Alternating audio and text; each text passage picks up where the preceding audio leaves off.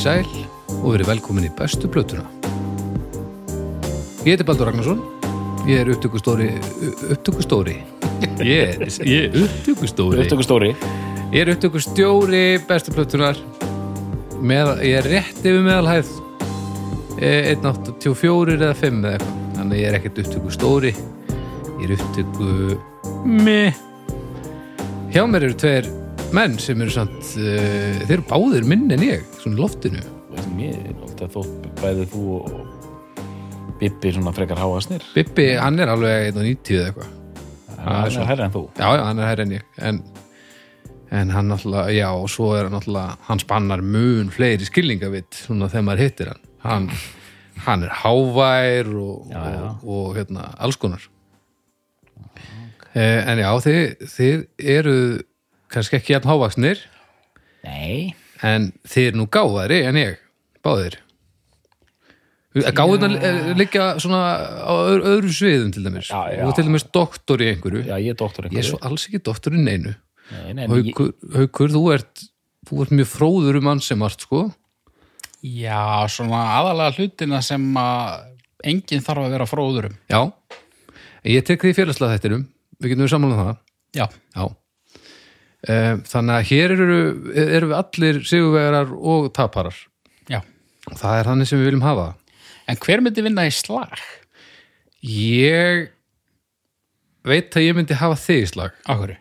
af því að, af því að ég bara þekki þig svo vel ég myndi bara, bara blanda saman andlegu og líkamlu ofbeldi þá til að þú myndir ekki vilja meira og það er bara Berja ekkert mig og særa tilfinninga mínar á meðan. mál Já, og, bara, og ég er alveg hillilega snöggur Ok. að klára þig um, Doktorinn, ég er skítrættu við hann ég, hann getur fel verið að hann sé með hann er svo já, en að svo þú getur verið bara eins og æ, það er alltaf, maður sér útundar sér í þessu UF, UFC dæmi, þá kemur einhver svona e, e, það er einhver eins og þessi búið að draga einhvern bretta út af einhverjum pöpp og hann eigi, veit ekki alveg hvað hann sé og eitthvað, svo bara allt í einu er hann búin að drepa alla í höllinni, Þannig Ah, ég, ég, getur alveg verið með eitthvað svoleiðis, Æ, ég er of mikil rindill sko myndi ég segja sko en það er einmitt það sem þeir segja, Já held ég já, Æskuvinni minn er allir svona tröll tröll úr breiðholtinu sko ég, Ég er svona væskill úr, úr árbænum já, en ég menna en kannski er ég núna þegar maður er búin feika. að, þegar maður er búin að æfa sig að slást við tröll alltaf tíð þegar þú lendir síðan bara á einhverjum meðalmanni þá náttúrulega er þetta bara eins og hamstur á þjóðveginu sko. En þú hefur hérna sveitakraftin. e, er það? Já, Nei, þrási hefur sveitakraftin, hann er sveitasterkur ég er bara svona eitthvað, jú, jú, bjóði sveit en hvað, ég hafa engin búskapur eða neitt ég var ekkert að setja niðið neitt ég var bara eitthvað í sandkassa, bara eins og allir aðrir sko. ok. þannig að, já ég myndi samt að hafa þig, þú veist Já, ég er ekki alveg samferður en uh, svona í þáu þáttarins þá segi ég já. En þriði hver þáttur, hann er orðinn svona upp að koma hjá okkur, hann að hver veit um að við bara, við bara sláum þessu upp í slag einhver dagir en þetta má- intro má nú ekki verða allu lengra uh, við þurfum kannski að fara að tala um bara, já þið eru náttúrulega ge- gestir hérna hjá mér í dag og, og, og gaman að sjá okkur Sum. um, eru þið kátir og resir? Við erum kátur og hressir og mjög gott að sjá þig Já, sömulegis að vanda Eh, síðasti þáttur var fyrsti þátturinn þar sem við töluðum svona um eitthvað annað en bestu plötu einhvers listamanns og það var nokkuð vel te- tekið í það síndist mér. Já, já, fólk var bara alveg, alveg til í þetta. Já, það- þetta er spennandi og þetta er fyrsti þátturinn sem við tökum upp í þessari eh, upptöku runu hér í kvöld. Ég eh, eins og venjulega veit ekki hvað við ætlum að tala um, ekki síðasta þátturinn heldur og ég, pínu, sp- ég finna að ég er spenntur sko.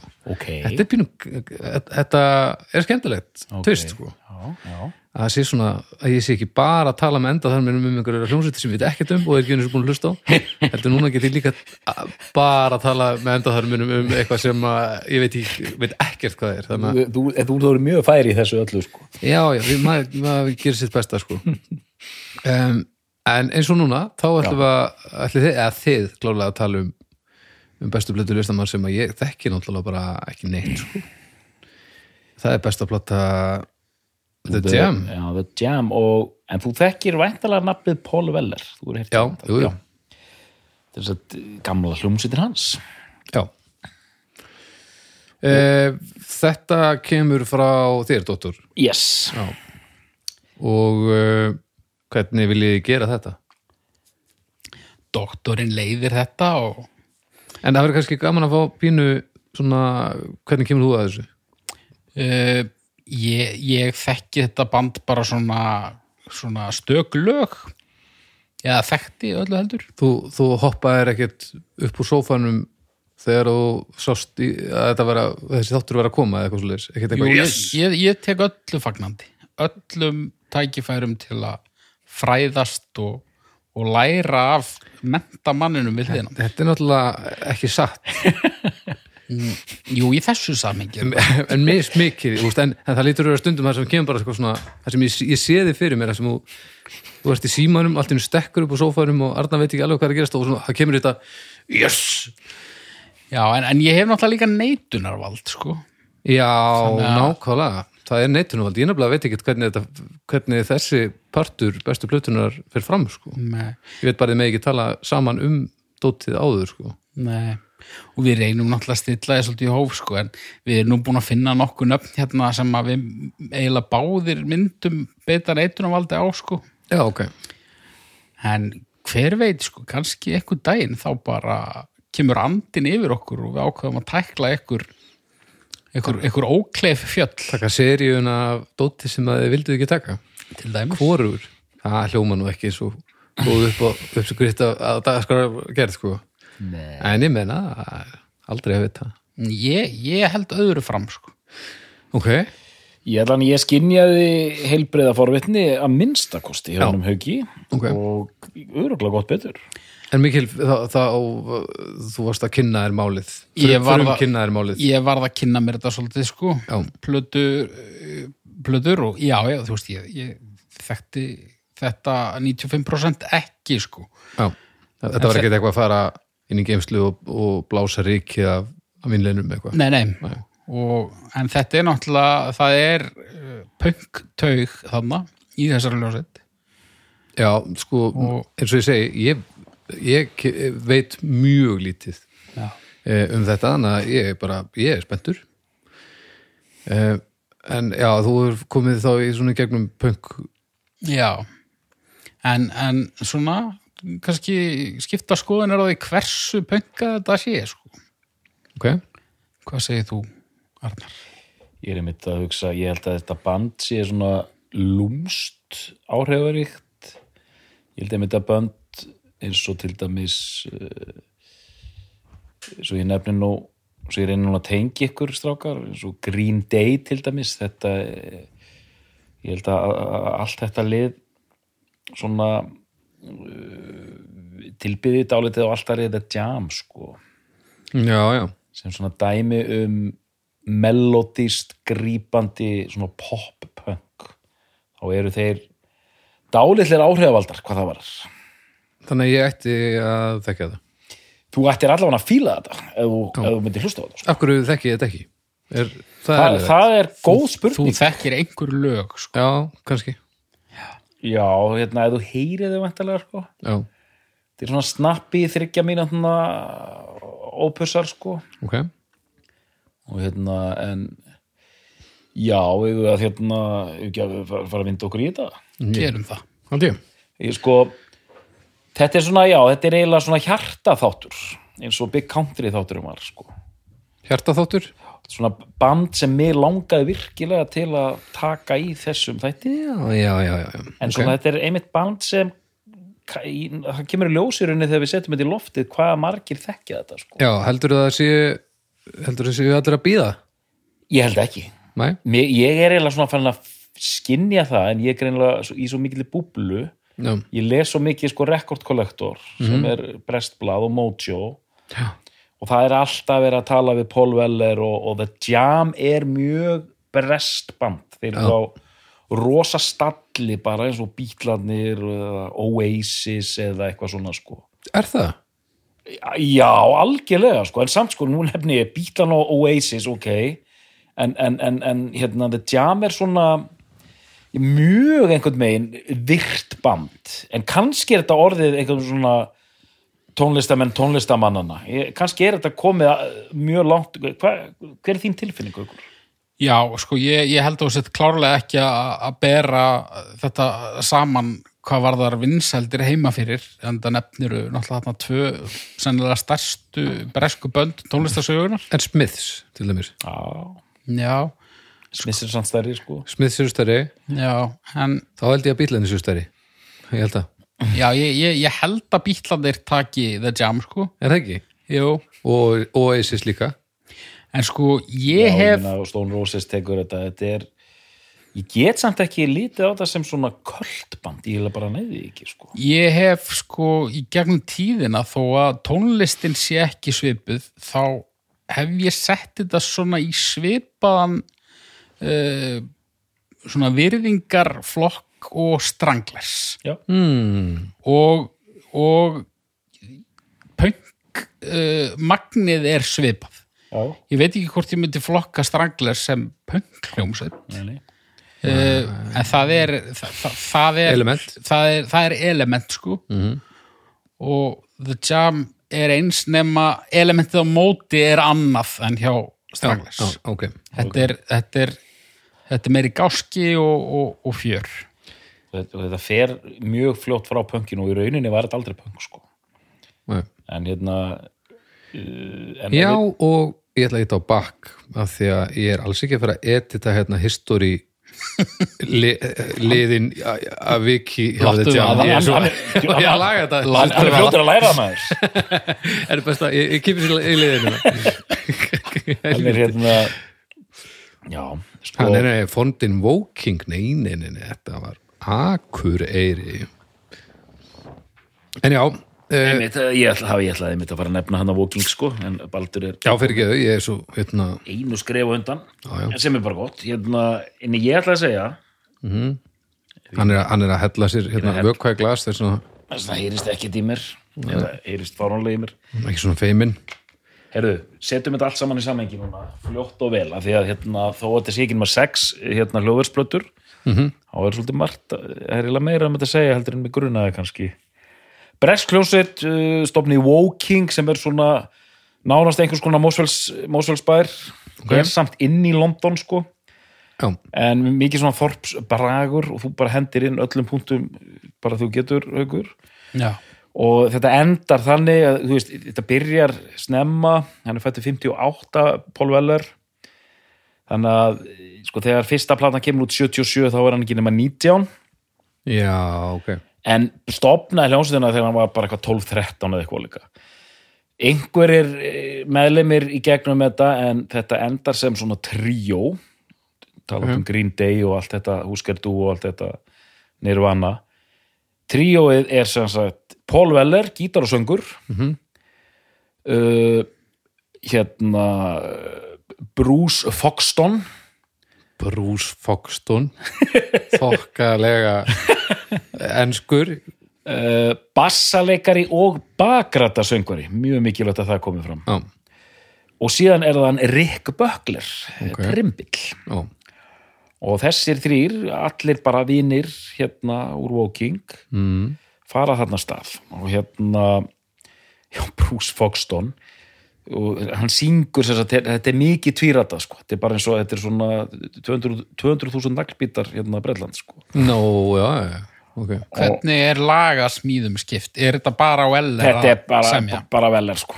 hann er, hann er semjað allt saman og hann er aðalsbrötan hann er aðalsbrautan en þeir, eru þeir að byrja á sama tíma þessir eh, í tríónu eða koma þeir sittin inn nei, þeir eru henni er þetta stoppmeðlumir eða? Já, nei, ekki alveg, þú veist, og þá erum við að tala um sko, hvað, 72, 73 eru einhverjir, einhver frændi veler sem var hann í korter eða eitthvað leika, sko. Þetta er no nokkuð með þannig, sko. ok, en þeir eru að því að hann hann er yngstur að þeim sko Veler, já, þannig að hann er hann, hvernig var hann fættur svo þeir eru 58, ef hann rétt, sko. Eh, 58, þeir eru 55 báðir sko. 50, já, ok.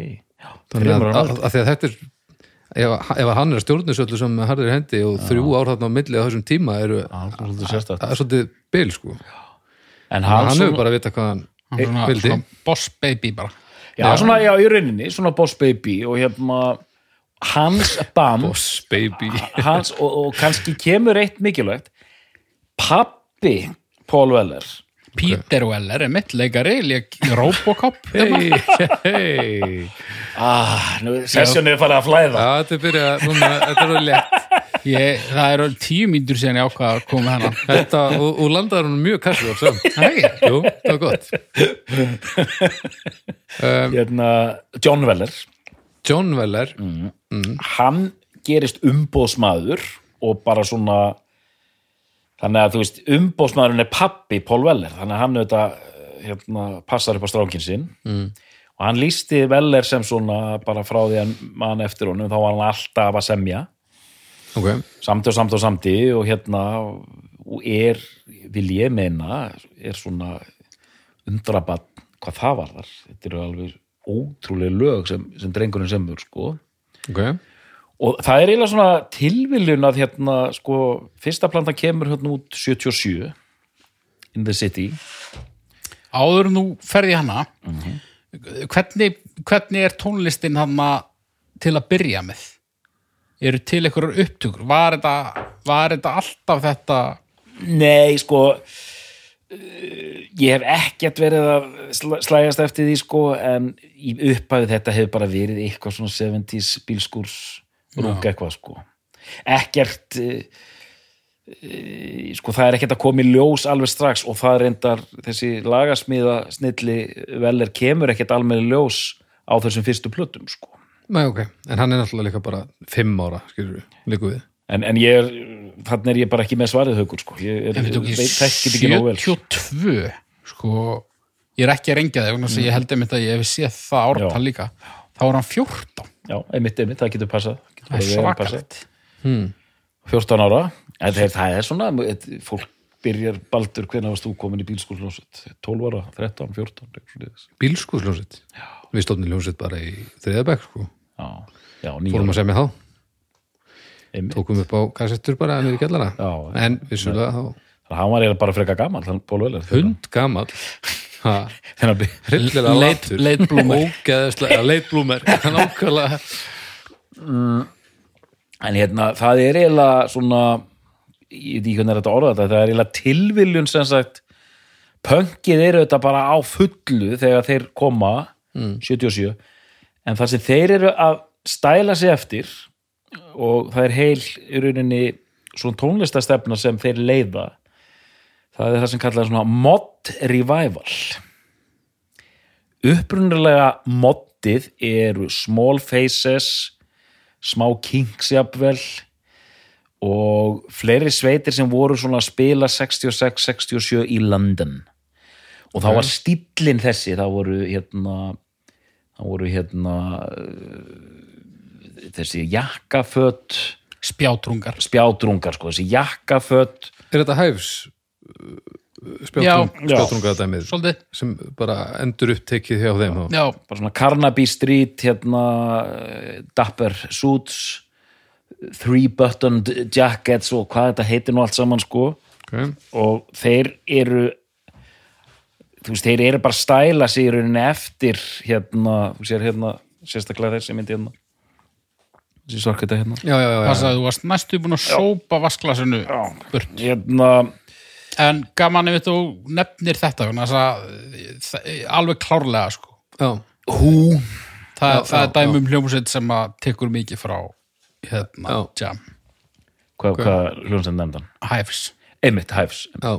Ok. og, og, og hvað, hvað sagði ég hérna hú uh, ég sagði það ekki á hann hú, small faces og svona þeir eru bara, þetta er svona revival á því sko, þannig að þeir, þeir taka upp í rauninni fötin stælarnir og í rauninni lögin eru ekki dósveipur sko Næ, og ok. hérna og, þa- og þannig að þú veist, eins og þessi fyrsta plata lögin er eiginlega mest bara svona hröð svona R&B 60s lög en punk svona krydd hérna í bland sko og Býtu, er þetta mod revival dót þá, er það í rauninni attitúdmál frekar en tólestastönda?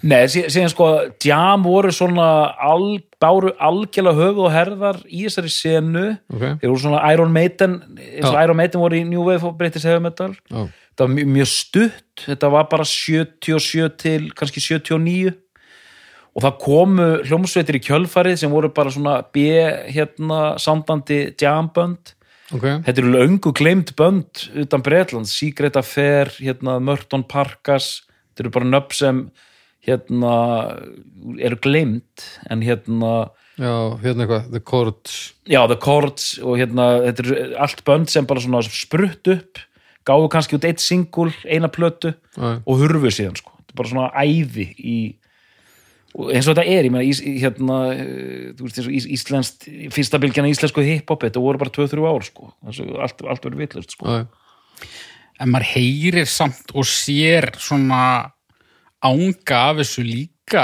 finnst mér bandaríkja megin um þetta leiti þú veist, Já, hérna, The Knack The Knack, Blondie Já, uh, og jú þú veist, ég myndi segja að tískan er klárlega kannski starri faktor í þessari bylgju heldur en í mörgum öðrum en þetta er líka sound dæmi ok og svona attitude sko og svona punk krafturinn þegar maður sér The Jam spila 77 rosa, rosa hratt og rosa uh, æst og, og, og mikil læti sko mjög svona maður bara þetta er bara svona er að springa af hérna einhvern veginn spilagleði og, og það er þetta lag, mér finnst þetta nánast vera svona heyrist í útvarpi In the city there's a thousand things I wanna say and do ding, ding, ding, ding, ding. La, la, la, la, la, la, la, la. I make you look a fool ding, ding, ding, ding, ding. You wanna say boom, boom, boom, boom You wanna tell me about da, da, da, da La, la, la, la, la, la, la Di, di, di, di, di, di, di, di In the city Di, di, di, di, di, di, di, di In the city Di, di, di, di, di, di. Og síðan kemur svona punkið Dilum, dilum, dilum Og það er bara Kannast við þetta, Baldur?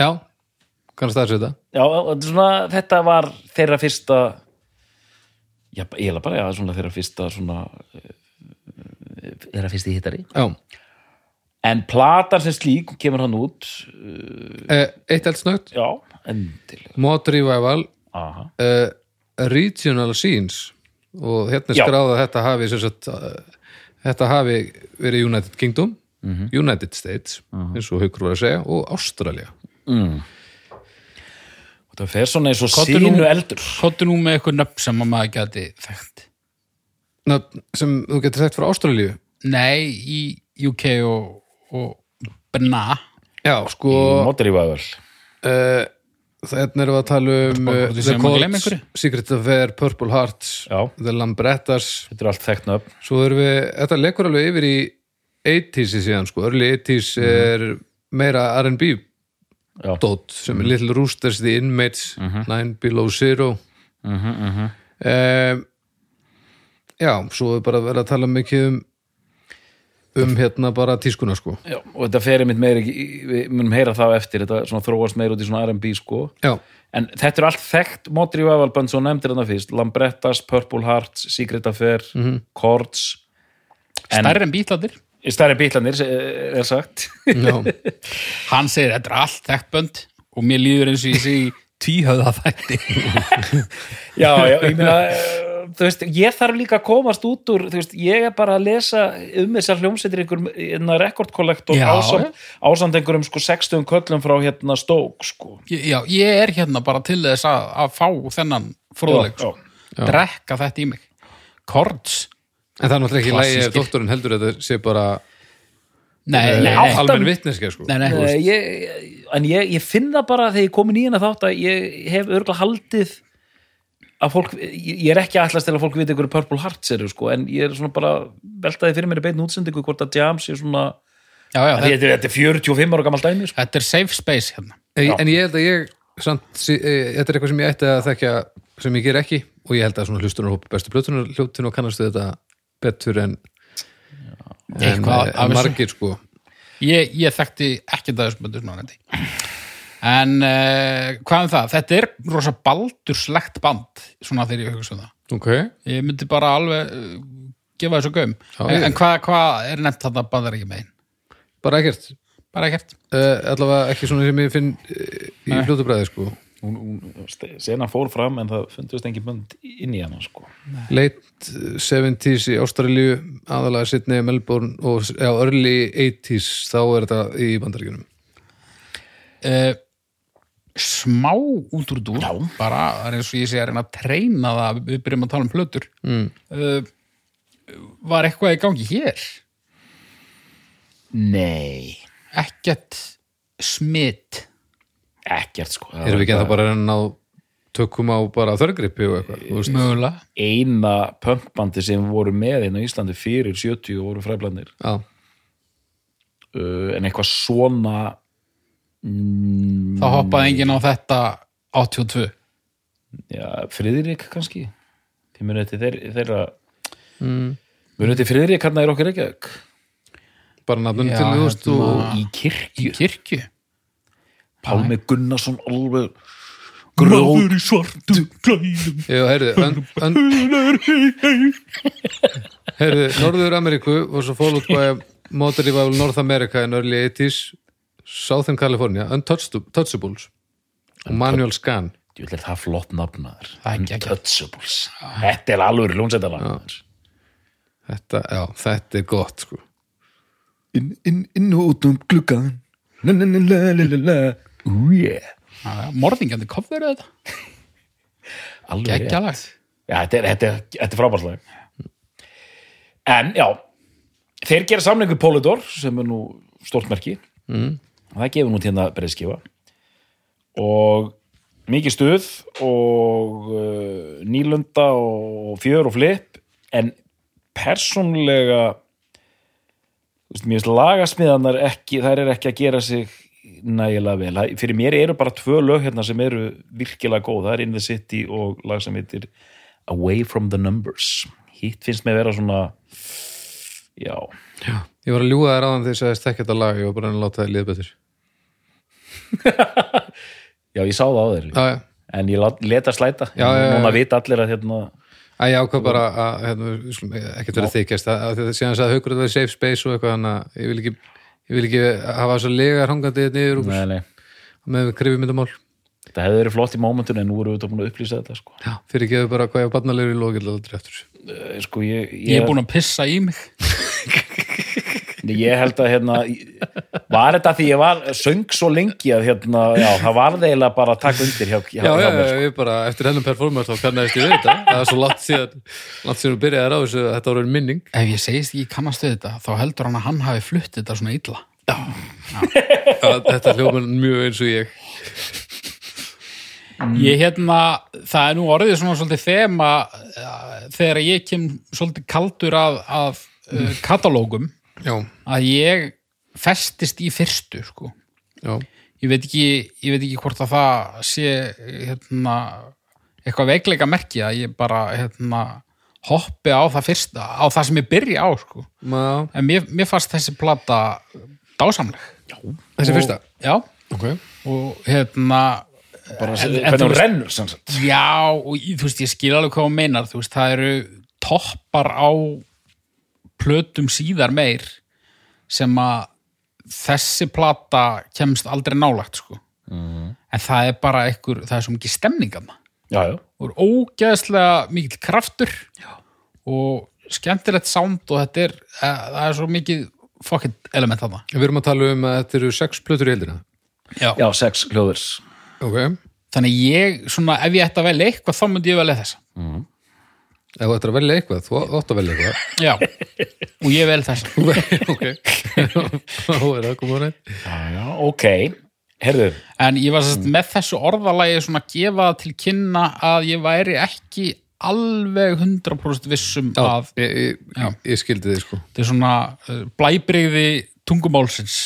jú, jú, og nú, segðu og nú er einmitt kannski ágættis tímabúntur að segja að þetta er rosa mikið singlaband já, þetta er eiginlega held ég síðasta bandið sem stundar það að gefa út gríðalega sterka singla sem fara ekki á plötunar Já. svona frístandandi singlar ok sem er bara síðan hætti fólk því sko, bara við erum með geggjalag hérna auðvitað setjum við þetta á plötuna við ætlum ekki að vera með þetta bara á einhverjum sjötómu sko. Já, Smiths e, já, e- einmitt já, e- heyrðu, já, Smiths þetta gerur líka Við mikið skjöru þetta, alveg grimt þeir gerðu þetta grimt, já, þá, þannig að þetta er ekki síðasta bandi sem gerði Nei. þetta, S- Smiths gerði þetta einmitt Já, og oft er þetta bara til kannski til vitni sem hvað böndin eru góð, líka bara hvað framleiðsla þeim Já. er mikil sko, það er svo mikið að vera að dæla hlutum út sko já bara fokk næsta plata kemur ekki út fyrir þessi fjóra mánuði, við verðum að koma svo ég, það Við getum ég, ekki setja á panik bara í allan daga, ég held að það, þetta sé nákvæmlega svona að vera að hugsa tímaramann svona og, var panik á blötu kannski, ég maður ekki og frægasta, þess að það lag sem náðu mestum árangur hjá þeim, Going Underground það var standalone single Já, já, ég, veit- ég verð að syngja samt meira og hérna, þú voru bara að vera heiðalegur sko, ka- ég- kannski, nei bara syngdu eins og þið listir sko En ég- þú veist, ég var nú eitthvað að skoða þetta samt hérna og nú tala ég bara sem ekki doktor í jam og það var nú eitthvað um það eins og til dæmis á þessari sapplötu sem þú benti mér á að, að þú veist það var hérna hérna Mhm. individual single later on og svo eitthvað plata Mhm. sem er þá, ég veit Mm. ekki hvort þá er verið að tala um bara eitthvað setni tíma pressur af þeirri plötu Mhm. eða hvort það liði nokkri mánuður og svo kom plata og Hvernig endaði þetta? þrýstandandi singli var smelt á hana En hvernig fóru það eins og með Joy Division? Er það, eru singlanir þar, þessi stóru sem eru á milli, er, er þeim klínt á plöturnar í sendið eða er þetta bara satt plötumál? og- nei þeir Það hafa er náttúrulega ekki eitthvað svo lítið efni þannig. Svo, Jam hafa farið þess að leið að það koma út svona super deluxe útgáfur af plötunum Super Deluxe. Já. Það er annarkvort pizza eða uh, svona sapplata, eh, nei, einhver plata með einhverju gönnumandi. og það var þetta bara sko, það var þetta svona fjóru og hálfu tíma músík sko, og hérna sjö, sjö útgáfur af In the City og hérna átta útgáfur af Way for the Numbers Eru svoleiðis plötur einhver tíma skemmtilegar, spyr ég? Nei, ég, ég hef aldrei, ég hef ekki tíma til að hlusta Hafið einhver tíma átt svona plötur sem var í alveg skemmtilega, ekki bara sniðu og svona, eh, sjáu hvað ég á? Ég glemdi að taka uh, konsertað áðan, þannig að ég var að hugsa um allt annað. Hvað varst að segja? Ég segi þér ekki, Hver- Hvernig plötur? Super Deluxe. kemur ekki við. Super Deluxe. Þú voru bara að hlusta uh, Við höldum áfram Er það að tala um svona sjöfaldar plötur með... Með, þú veist, 15 útgáfum Já, af nei, sama nei, það, laginu. það er Það handum. eru allar ógeðslega leðilegar Og Já. samt er þetta er, er, er neytandinn að lepja þetta upp bara eins og eins og einhver hafi Það, er út af því að þetta, er- þetta er oft svo mikið stofustás. þetta, Já, Bæði, stó, þetta er það og þetta er yfirlýsing, sjáðu hvað ég er hrifin af Metallica, ég á hérna eh, Já. einhverja bjallið í 20 útgáfum bara til að sína hvað ég er magnaður Ég, þetta er svona, ég ég held að sé alveg markað fyrir þessu, það eru þetta alltaf einhver hlustendur sem hlusta bara frekar lítið á tónlist og hlusta kannski bara á þeir Metallica og einhver þrjú önnu bönd þeir geta leiðið yfir þessu ég hef ekki, ef ég þarf að velja, Arnar, viltu heyra nýja útgáfa af inni City eða einhverja nýja músík, þá fyrir ég í nýja músíkina sko. Já, já. ég hef ekki tíma í svona villessu sko. Já, ég hef alveg tími í svona villis. Hefur þið? Stundum. Já Já, og þá, Ég held að núna verði einhver reyður á umræðahófnum líka en ég meina, ef maður Ég er alveg, er alveg ofur til í að hlusta á alternate take af einhverju einhverju Metallica filler frá 84. Er það? Já, Já. já. Já, ok. ef maður er einhvern svona ofur, ofurfan þá er það kannski Já, eðlilegt þú veist, mér finnst bara gott að heyra þetta því að ég held í alvörinni þetta væri mögulega gert fyrir engan Eða, í veist, prakt- ég, ég, ég fordæmi þetta út á við skilur en, en það sem þetta er safe space þá viðurkenn ég það að ég myndi nú örugglega alveg tekka á því sko. Þetta er nema en til að, til að sko, en að því að þú spurðir sko að, að Jam fer þessa leið það, það, þú veist, það er til hérna Setting Zone, Setting Zones Deluxe, Setting Zones Super Deluxe Já. dun, endalösin aukalög en Joy Division hafa aldrei gefið sér satt út uh, Unknown Pleasures og fjögur aukalög sko. Nei, það aldrei. er alltaf clean, ég sé það á, á, á, á spótanum sko, að því plötunar, en þær eru líka svolítið heilagar að- manni finnst það sko Já, það er náttúrulega er svolítið annað Já, mér, væp, kannski mér er ekki vel við þegar að vera að splæsa þessu í í, í, í sama dæmi sko. þetta, þetta á að vera aðskilið sko.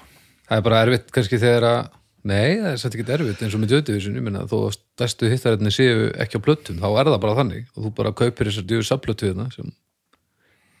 Það er Já, Herðu, já, þeir, sem sagt, þetta er svolítið svipað með Ramones. Ramones gaf út plötu sem sló í gegn, fyrsta platan þeirra. Mm.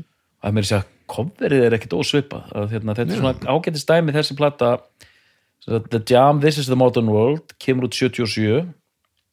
Hérna, líka eins og inn í city emitt, sama ár. Hvenær kom fyrsta Ramones? Var, ekki, var það 76, jafnvel? Tjúlir hann ruglaður. Mm, já, er það ekki? Altjant. Ég held að það sé 76. Skiptir ekki máli. Uh, This is the modern world, The Jam, 76 76. Sama ár og fyrir utan títilagið sem er alveg geðveikt, sko þá er þetta svona frekar slaft, sko. e, Ég veit ekki okay. hvað þú na namst af þessu. Uh, mér fannst þetta Svona sophomore slump. mér fannst þetta svona more of the same mér fannst það ekkert leðilegt sko Nei, nei. En, en, en svona uh, svona verri útgáfa af fyrstu plötunni Já, mér sýnst að dómar svona stjórnugjafinnar sem ég sé hérna endur spekla það Það er svona bandið komið í nú er bandið komið í krísu Það er krísa, það strax er krísa sko bara að, á fyrsta ári Já.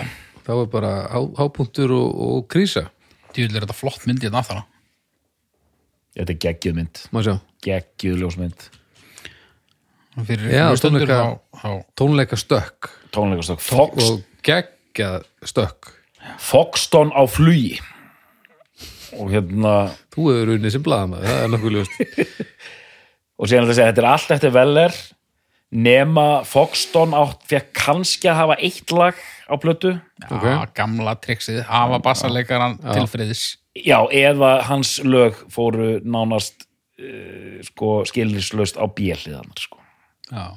Ok, hann á lana með Bruce Foxton á hérna lana með tvö á þessari blötu ég la- las einhvern veginn grein um þarna Móttir Ívæðvald sem vorum að tala um áðan og þá var tónlistinni líst hinn böndin sem sagt, öll böndin sem voru ekki í The Jam hljómuðu Sounded Like a Bruce Foxton B-side mm. og dissa böndin og Bruce Foxton sko, En býtum í við- einni setningu. En Dave Ve- Val Veller er það hver er það? Dave Waller er það einhver uh, sem var eins og í bandinu eða? Paul Veller uh, og Dave Waller eiga saman in the street today Nú, já, sem er fyrsta lagið á byrlið nú, já, já, pæli hver þessi Va- Va- Waller er Waller er já, ég sé það hérna Paul Weller, David Weller mér, mér finnst þess að þetta nafn sé bara eitthvað úr frá því í gamla daga sko hann er ekki, já þetta sé bara lag sem hafa samið samið bara 75 eða eitthvað sko. Já, já, já, ég skili að því að hann, það er ekkert tekið fram í persónel eða neitt sko en síðan eru þeir eins og David Waller, hann er hérna past members rétt Já. hjá þér, dóttur og hérna eru þeir farnir að nuttast utan í svona gömul R&B lög taka hérna Wilson Pickett hérna lagið Já, Gonna wait till the midnight hour í þetta mjög hvítri útgáfu sko, blessa þér já, alveg ennsk skjönnuð útgáfa. Eh, já, næpu, næpu hvít útgáfa sko. Já. herru, nema hvað 77, 78 eru þeir byrjar að semja fyrir þriðuplötuna eða þeir, hann, Pólvelar mm -hmm. og hann kemur til hérna, upptökustjórans Chris Parry og segir, herru, ja, hérna er lögin líst þér ekki á þetta og Chris Parry segir, þetta gengur ekki, Pól þetta, þetta er ömulegt, já, þetta er bara drastl þetta er asl þetta er bara drasl og hérna eh, við getum ekki bóðið fólk upp á þetta sko. bandið bara hérna bandið bara hættir Eh, þú- þetta er ekki hægt þannig að það sem gerist Pól bara fær eitthvað svona einhverja eldingu í rassin og bara hendi draslinu og byrjar að semja upp á nýtt Já, já, já, já og bara hann er svona up against it hann er bara fight or flight ætlar að gera þetta eða, ætlar að bara, eða er þetta bara búið Já, og hann bara byrjar allt í einu þetta er bara eins og Robert Johnson hérna á hérna á krosskötunum sko, það bara gerist eitthvað og hann fer að dæla út góðum lögum ok og þessi plata er stundum nefnd sem besta plata tjám, hérna heitir All Mod Cons það er svona eins og þeir séu með einhvers konar sjálfsháð í gangi Já. og þessi plata er með sko hún er mjög sterk sko það er eiginlega flest öll lögin bara mjög sterk sko To Be Someone mjög gott lag, Mr. Clean frábært, David Watts frábært In the Crowd frábært Billy Hunt frábært uh, A Bomb, A Bomb in Wardour Street algjörlega frábært og Down in the Tube Station at Midnight líka geðvegt sko og þetta, það var singull líka og þið heyrið þetta Down in the Tube Station at Midnight þetta er, wo- mitt, akkur sé ég Midnight þetta er, er mikið svona London og, og Bretlandi gangi sko, já.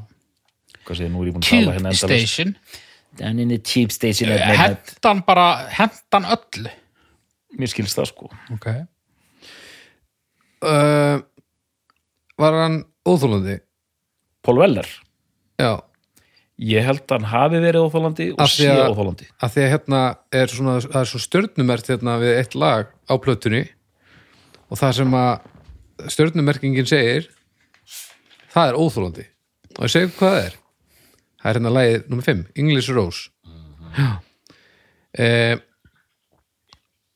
Korki titillin nýja textin af English Rose voru, var prentað á upprunulega vinilkoverið alveg á rétt. þessari plötu af því að Weller fannst eins og textarnir er hefðinga alveg þýðingu nema að tónlistin væri með, þeim- með honum þetta er náttúrulega gjörsanlega fokking óþúlandi bara textin við þessa, þetta lag já, fannst honum þetta bara um textan við þetta textin bara hann, hann bara hefur ekki þ- þá vikt nema að lægið sér líka þegiðu Weller, lag eru er við ekki þarna hann er samt 12 ára eða eitthvað nei, hann er samt alveg komin hérna ekki láta svona samt djöfull er, hann er Ó, tvítugur Og ég sé þetta hérna og, og oh. lægið er mert hérna inn á, inn á plötu með hann sko Þetta er alveg óþúlandi En þú veist ég- ég er að, hérna, hlustandi góðir ég er að tegja hérna plötuna sko.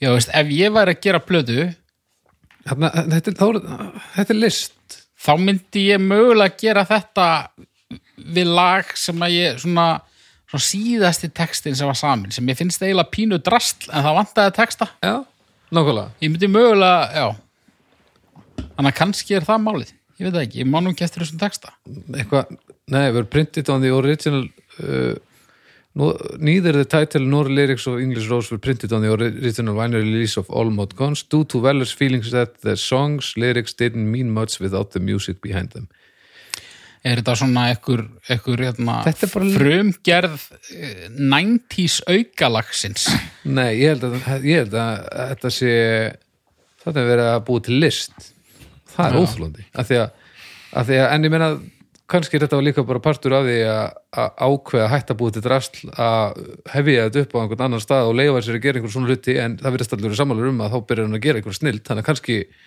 á ég bara að hlusta á þessu plötu og, og komast að þessi sammálaunum og hætta að drulli yfir ykkur sem ég þekki Það já, getur líka þessi verið plata er, málið, sko. er mjög stöndug sko En, þú veist, Ka- kannski- þetta, en, en bara að sjá þess að klausu, þetta er óþólandi Þú veist, Kannski frá mínu braut- sjónurlöðni akkur núna, þá er þetta ekki látt svona.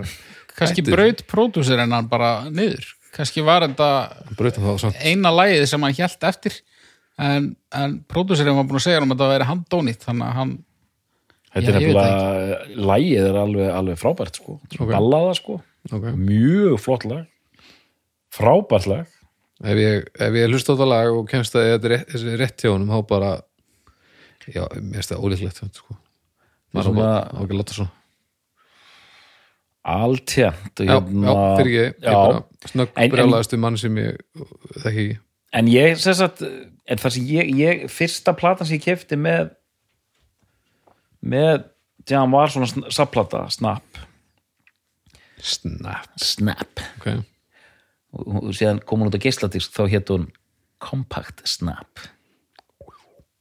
mm. svona tvöföldum geisladisk munið eftir því hérna, já já, stórkallarlegu hérna, Já. já, aðja, hérna, stórkallaða liður stórkallarlegu hérna, hérna umslegin sko. um, og þessi plata kom út bara um leiður hættu sko. kom út bara út 82 sko. aðja, en hérna ég bara gersalega þetta er ekki flóknar en það, ég bara algjörlega ég hlusta á þessa plötu rosa mikið og bara fjall þetta er svona, þetta er svona mitt band bara fjall algjörlega fyrir þessu ok, maður sjá þess að keifti allar plötunar í kjölfarið og bara lá yfir þessu sko Já, og við erum þá bara sérstaklega setni tíma plötunum sko Ok, heyrðu English Rose er prentið hérna á þessu safnötu uppreist æra Já, en hann er, þessi þriða plata hún er svona fyrsta í þessum hérna, þessum aðalfasa já, er það ekki jú og þarna eru lagasmiðana farnar að þróast þetta er orðið betra, þetta er orðið svona fáaðra hann er svona farinn að kunna að semja svona grípandi pop rock einhvern megin já, En byrju, hvað er hann gamall að það, segir Hann er 58 hann er hann bara tvítur Hann er tvítur, ég meina, ok Það þetta er þetta bara alg- algjörlega var fáránlegt, ekkert sko. skrítið að hann sé að finna sig hann er- hann er þetta byrjaði mjög seint eins og kom fram hérna í, fyrir þættinum þannig Já, að hann er svona hryllilega latur fram hann af en hérna þetta er einmitt eins og, eins og haukur orðar þetta, þetta er mjög stöndu plata og þetta eru svona gæða smíðar hérna okay.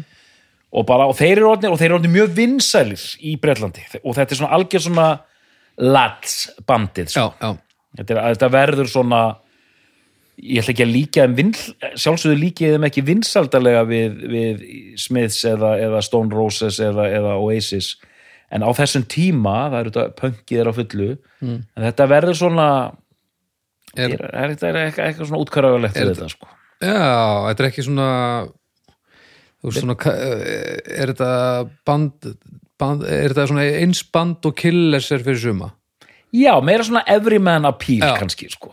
og gömlu hundarnir sem er að fíla hú þeir geta alveg fíla þetta sko. Já, já, já, já. já, þetta, er ekki, og, þú veist, þetta er ekki þetta er ekki menn með hanakamp sko. þetta eru bara menn í jakkafötum sko.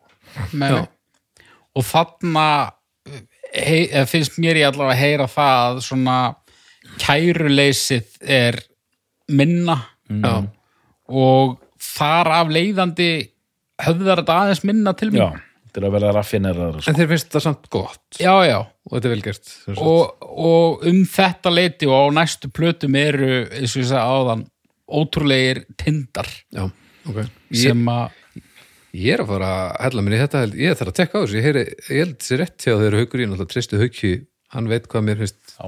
skemmtilegt en af við þurfum kannski að skoða það eins og eftir bara af hverju veit ég ekki meira, af hverju er þetta ekki á ratarnum með mér og það er alveg- eins og ég hef kynst þér í gegnum alla þessa þætti þá er þetta alveg rétt hjá hauki að þetta er, þetta er band sem þú mynd fíla sko. En við- kannski, að því að kannski þú varst að tala um það hann, já, að kannski varst þú að ofmeta hversu þekkt þetta væri er það vandamálið eða átti ég að, að þekka þetta við komum að því á þú, eftir bara. þú þekkir eitt lag á síðustu plötunni Eh, það- ég ég er til, tilbúin að leggja peningundir pening, já já Hva- hvernig litir, 5.000 miljónir ok já, við, Lí- við, við, líra. við skulum bara tekka á síðustu plötinu þegar kemur að henni Ok. sjá hvort að, hvort að þú verið gjaldtróta ég hef engar áhyggjur nema hvað, hérna, árið er 79 og uh, við erum komin að fjórðu hljóðursplötu jam sem heitir Setting Suns og hérna og þessu stilli ég fram sem bestu plötu The Jam já, ok og sem er svona ekki oft gert það er venjulega mér finnst þið svo það sé ekki oft gert sást þú eitthvað? já, ég, ég, ég sá hann á einhverjum listum Þa, þær voru sérstaklega þessar þrjár uh, hérna Olmotskorn, Settingsons og hérna uh, hvað heitir hún, Sound Sound Effects Sound Effects, mér fannst hérna mest hún oftast nefnd og svo hina Já, tvær já. svona Einmitt, Sound Effects hefur verið nefnd og hann að The Gift já, en hérna, nema hvað og núna skulum við aðtögu eitt 79, drengurinn er ekki nema 21 árs já, og þessi plata er, þetta er mjög þroskað verk Eh, þetta átt að vera einhvers konar konceptplata um vináttu þryggja hérna drengja eins og sést á umslæðinu mm. byrjaði þannig en síðan bankaði deadlineið allræmda upp á þannig að þeir þ- þ- voru farinir að rössa plötunni sko ok fyrsta lagið hérna Girl on the Phone, það var bara samið bara eittur og bingo og tengist konseptin ekki neitt og síðasta lagið er Heatwave Ok. eða hálf svona ömurleg útgáfa af svona gömlu R&B sko og takið eftir einu sem sýnir hvað þetta er mikið singlaband að þó að ég stilli þessu upp sem bestu plötu jam, þá er þetta langt í frá svona eh, nægilega heldstæði plata í rauninni til að eiga þann stimpil skil, skilið sko ok, En sko, strax annarlega Thickest Thieves, það er held ég bara uppáhalslæðið mitt með Jam ok ógeðslega flottur texti sem fjallar um svona vináttu og brómans ég er svo mikill sökkar fyrir öllu svona sko. já ég, ég fæ alveg svona gæsa húð svona- einhver svona, einhver svona fegurð þykka stífs, textin er mjög flottur og lægið er svona við erum að nálgast nánast einhver svona progg sko lúmskir kaplar sko, lúmsk svona breakdown og hérna stoppar og þú veist kannski bara trommurnar þetta er að verða rosa úthugsað hérna einhvern veginn lagasmiðanar og rosa condensed sko já, eins og hérna Going Underground er þrjár mínútur og þér finnst alltaf eins og þetta sé sko, sjö mínútur lag sko. útrúlega lungin orðið með þetta ok uh, Private Hell, Geðvettlag og síðan er hann svona ballöður eins og Wasteland sem nær hérna rosa vel að fanga svona þessa tatsiríska gráu ömurð sem var þarna late 70s hérna í Breitlandi Mhm. pínu, að, þetta er pínu svona XTC feelingur með þetta sko Þú og, veist líka og að segja að- specials þú varst að segja þannig að þeir verið svona meitin í þessari, já, í þessari bylgu Já. Ísland geti náttúrulega verið lag með báðum hljómsveitum Já, nákvæmlega, nákvæmlega Var- átti ekki meitin lag sem heitir Vestland það mm, ég þekki það ekki hefði, hefði verið á Killers Já, já, nákvæmlega hérna, The Eton Rifles, það gæti líka verið Já. meðan Það geti klálega, klálega verið meitin já það er hérna svona setni tíma meitin lag Já, Girl on, on the Phone, það gæti ekki verið meðan það væri ó, það væri þá sinn um, og hvað hefði með, já, Saturday Kids mér er aldrei þótt það neitt sérstætt Burning Sky, hérna, ekkert, ekkert sérstætt okay. Hann hatar þessa blöð Já, hata Smithers- þessa plötu. Smithers Jones Smithers Jones er þetta æðislegt lag, það er lag eftir vin okkar Það er Foxton. Eh, Foxton hinn fljúandi Já, já. og það er svona, það er í svona strengja útgáfa þessari blötu á þessari plöttu var það bú- það var líka gefið út í svona band útgáfu Já, já, já, ok Here we go again, it's Monday at last, la la la la la la la la. Good morning, Smithers Jones, how's the wife at home? Is this the position you were looking for?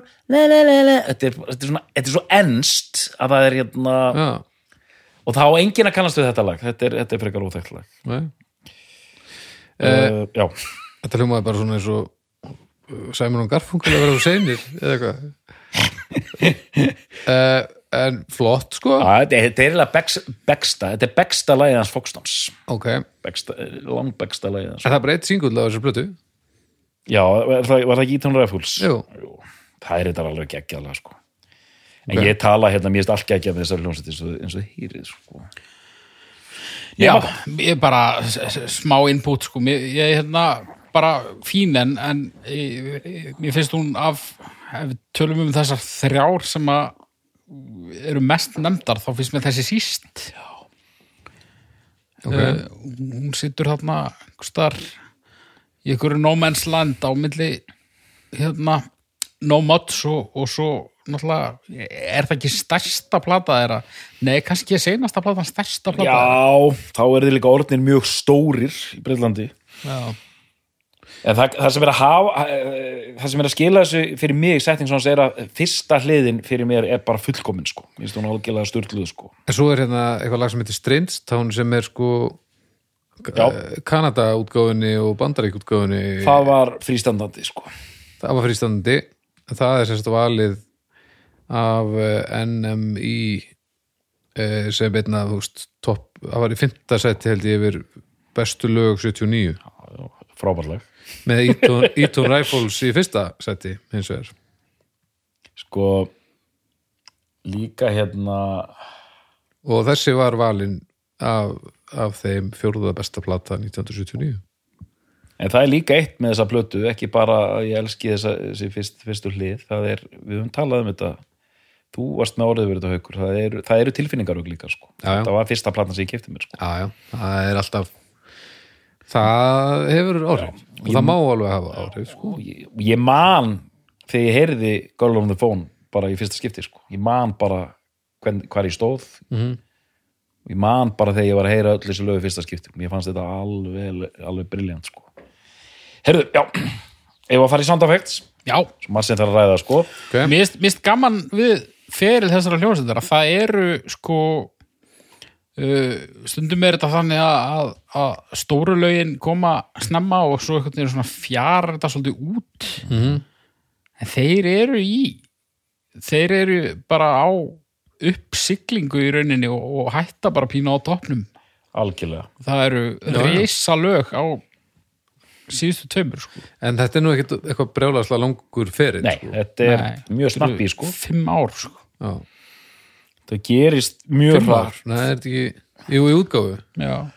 og hann, þetta gerist mjög hratt og hann er mjög Já, Fimm ár eða sex ár Já, eða, þú veist. 77 til 80 já, já og hann bara vinnur hratt ég meina hann er búin að gefa út örugglega svona 30 sólóplötur Er það búin að gera? það er svona smá Bubbi Mortens í Paul Weller sko. Og er það gott dót? Peppi Mortens, það er bara missamt Hei, Það finnir. þetta var alltaf leið En, en svo lútt á til þess að hérna, já ja, það er, mér finnst það rosa mikið svona, sem sagt er að, en sko svona Johnny Man sko. það er En bara, er ekkert aðeins skemmtilegt? það voru hann að, la- að plata Wildwood sem kom upp úr 90 sem er bara fín bara svona mod Britpop einhvern veginn sko Okay. allt í lægi, en hann er rosa og sem sólalistamaður er hann mjög mikil smetin Er hann? mjög í Bretlandi sérstaklega Ok, hann er svona karakter í Breitlandi höldum bara aðeins áfram með Bubba Mortens hann er svona hann er einhvern með þannig og hann er gerðan svolítið ínáanlegur sko maður var að hlusta okkur á morgun þetta á BBC já, við erum, hérna, við erum í stöði hérna þriðu dagur, heyrðu við erum Paul Weller hérna á línunni hva, hva- how's your day been? Já, ég, ég var nú bara að vakna og fá mig kaffi Ha, ég var að klára annar lagdagsins þetta já. hérna. Það er allar um og, vaskin minn og drekku te vandalega, ekki kaffi já, já, og, og svona uh, frekar pólitískur og, og, og viljur að- að, að Hmm. tjá sig og þegar Britpopi kemur þá er hann þá er honum stilt fram sem svona the modfather The Mod Father alveg rétt Það er rosalegt og þá, já, hann var svona og þá voru menn fengnir í viðtöl hérna, Fannst þú það skemmtilegt? ójá Já, ok, við erum þarna við erum Það algjörð er, þarna ok, hérna, það er bara fínt þeir mæta þarna þeir bræður þarna, Gallagher bræður og þessar hljómsveitir allar Ocean Color Scene og svona og, og hitla Vellerin og síðan var Veller eins og fenginn til að hérna rítstýra Mojo þetta er svona gaur sko, ah, svona gesta rítstýra Gesta rittstjóri, er það góð hugmynd? Nei, og síðan kemur eitthvað svona og síðan eru þetta í, í þessu gesta rítstýringu hans er heil kapli bestu lög jam Já, og það er lag nummer 10 og það er þá bara svo skálmölda þátturinn að spipa nákvæmlega, algjör tenging þarna, af því að, wait for it að það kemur, lag nummer tíu, það er þetta og þá kemur, hérna, Noel skrifar eitthvað um það og síðan kemur eitthvað annað lag og bassalekarinn í Superfurry Animal skrifar eitthvað um það, síðan kemur besta lag jam Going Underground, hver heldur að skrifi texta um besta lag hérna jam? má ekki ska, Já, gískaðu, gískaðu Pól Veller Já, er þetta haugur? Rétt! ok, og það, þá skrifar hann sjálfur um lagið og skri- byrjar, mér minnir þetta að byrja svona Top tune, mate Great song Þetta er Já, nefnilega- finnst þér það? Þetta er, þetta, ég hann er greinlega jafn óþólandi og, og stjörnu uh, hérna, klausan sagði á þann það er eitthvað svona element í honum sem myndi gera með gjössan að brjóla sko ef hann hefði ekki verið gestar eittstjóri heldur bara þú veist, þetta hefði bara verið hann hefði bara verið fengin í þetta þá, þá hefði maður bara haldið það er eitthvað sem hann hefði verið svona plataður í Já, Já, svona, það verið ekki að fá bara Weller sjálfan til að sp- skrifa um, um topplæð, skilur það ég og meina hann bara svona lit, tilleiðast lit til leiðast og tappaði Akkurat. kúliru en ef hann var reitstjórin Það þá, eru fundur að baki, sko já, já, já. En ég Eru- meina, greinlega, greinlega duglegu líka, ég meina ef ef þetta dundur út sóluplötum en sko, Já, hann er mjög, hann er vinnusamur skolli sko ég, ég ætla ekki að afvegalega þessa umræðu en bara smá innskot Já, Mm. Eh, af tvennu þá finnst mér þetta samt hundra sinnum skára heldur en hérna og þú veist ég hlusta aldrei á lögin mín já, Já, já, horf aldrei á bíómyndina mínar já, já, þú já, veist, þetta er nú ekki merkilegt Já, það er, já veist, já það er Ég- óþólandi sérstaklega ef það er ekki satt það er aldrei satt út af því að ef einhverjum þætti það þá myndi hann ekki gefa út tónlist sko. þetta er bara svona er ekki ógislega feit og ljóti í þessum kjól þetta er bara þannig Já, ekki alltaf samt ég held það þú veist, hefur þú bara gefið út tónlist sem þú myndir hlusta á? Mm, Já, þegar ég hef gefið hann út, sko. Já, ég, að- ég stundum stundum ger ég lag sem að mér finnst skemmtilegt sem þetta lag en ég myndi aldrei hlusta á það ef einhver annar hefði gefið það út, skilur. Já, Allir þú ert mér- líka í grín hljómsveit, sko. Já, nei, og ég er bara að tala um bara almennt Já, af því að mér finnst alveg gaman að bara gera hlutina búa á til en nei, þú veist, kannski ef ég væri sessjónleikari, emitt. já, En, en nei, ég, ég myndi held ég ekki nenna að taka upp tónlist sem að ég get ekki hlusta á það sjálfur, sko. nei, ég nefnilega er alveg til að gefa út plötur sem að mér myndi finnast leðileg með einhverjum öðrum skilur. En, en þú veist, svo líða árin og, og maður er kannski bara, já, það var kannski alveg nógu vel gert. Nei, nei, já, En, þú veist, já. Ég er allavega, ég, ég frekar til í mont heldur en eh, eitthvað... Fals, falska hóvarð Já, já ég, ég, ég er sammála því sko. montaði þið bara og bara, já. Herru, já, nema hvað, við erum mætt hérna árið 1980 árið 1980 kemur eh, platan Sound Effects út og hann talaði um það hann, Paul Weller, að það voru bara tvær plötur sem hann hlustaði á Nei, heyrðu þannig að tekka hann svolítið í það sem þú veist að segja hann er óþólandi, ég held að séum að komast að því hægt og bítandi, maðurinn er duglur og óþólandi, Ég held reyndar að þessi setning eigi eftir að enda öðruvísi en þú heldur, sko. ok hvað Er það þannig tvær plötur sem hann hlusta á til að verða fyrir áhrifum? já, já, já. já. Ah, ok, já, sorry Eh, nema hvað, já, og og það voru tvær plötur sem hann uh, var að hlusta á þeir hlustu þetta mikið á bílana hérna, þeir, þeir, þeir stálu það er lag sem heitir Start Já, þar sem þeir stálu hérna bassalínunni úr Taxman. úr Taxman. já. og Og bara sami trommutáttur og bara- það það er bara gott lag Og starti geðvegt lag. Herðu, nú, stillt. og nú vandast málið af því að startir fyrsti singullin hann er gefin út 15. ágúst sem er ammælistæður minn gefið út á ammælistæður mínum nema ég fæðist ekki fyrir 1984 þannig að þetta er gefið út 15. ágúst sem er ekki ammælistæður minn af því að það verður ekki ammælistæður minn fyrir en ég er búin að fæðast eða hvað, er það ekki? Mm, jú, jú, jú, þetta er reyndar, já. náttúrulega þetta er, sið- þetta er, já, ég hefði haldið það þannig að þetta er mjög óþært að horfa hérna á þessa tölu og, og hún tengist mér í rauninni ekkert áfram með smjörið, Herru, já, nema hvað að hérna eh, takk fyrir þetta, Baldur uh, uh, hann hlustaði bara á, á hérna, Off the Wall með Michael Jackson já, og Unknown Pleasures með hérna Joy Division já, ok sem komu báður út 79 og hann sagði að Sound Effects bæri þess merki mér finnst þessi plata ekki nægilega skemmtileg ég hef aldrei náð að tengja við hann að þetta er að vera besta plata The Jam, mér finnst nú vera dálítið tvístruð fyrir minn smekk sko. það eru margir og svona verður já, hún, en eins og þú lístir uppáhaldsplötunni þinni aðan þá er hún, þér fannst hún líka tvistruð en þér Já. fannst það eru tilfinningaraukin og hápuntarnir Já, og þetta er, en, hérna eru þeir að spila eh, svona melodist pop-punk hérna eru þeir að byrja á þessum já, já, R&B tilraunum og þetta er að vera tilraun það er viðsnúningur er víst nú. í, í lagarsmiðum og það, það er nú ekki oft sem Arnar Arnar hefði nótt að eða eitthvað tilraunir og svona en hvað segir þú?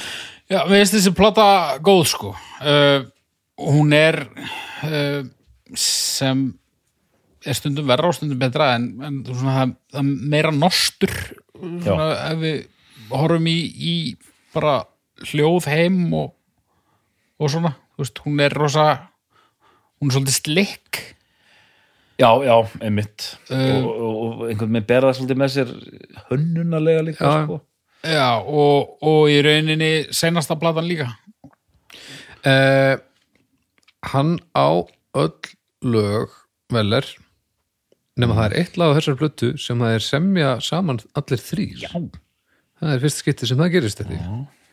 Music for the Last Couple það er eh, Rick, Bruce og hérna- Paul Okay. eða Eh, Buckler, Foxton og Veller það sem að eh, nú meira svona kannski þessum fyrirtæki myndi hefði það Já, Sko,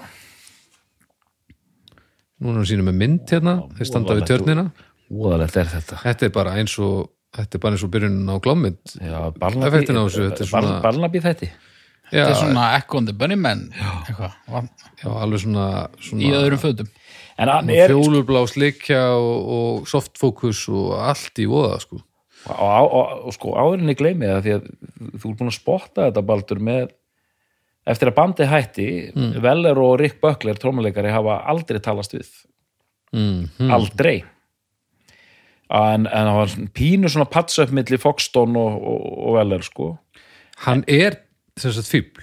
já og, og- og Jam hefur aldrei komið saman aftur, aldrei sko hann, ég var eitthvað að lesa um þetta hann, hann, hann tók eitthvað svona guest appearance í einhverju á Foxton soloplötu já, var það þannig svona bara helping, helping out a mite Og vildi Foxton það? eða var já, það- já, Foxton var mjög, mjög, mjög ánæð með þetta og hérna síðan eh, stopnuðu eh, þeir voru í hljómsveit sem ég held þeir hafa kallað hana jafnvel bara The Gift, þá var Rick Böckler og Foxton saman og einhver annar Ok. síðan var það til hljómsveit sem heitir From the Jam þar sem er trommuleikari, söngvargítarleikari og Bruce gamli Foxton á bassa og ég fór til Glasgow að sjá þetta band spila plötuna mína Já, Frá upphafi ok. til enda. Já, það var auðvitað geggjað og ég hef aldrei farið á tónleika þar sem að veit nákvæmlega hvað næsta lag verður já,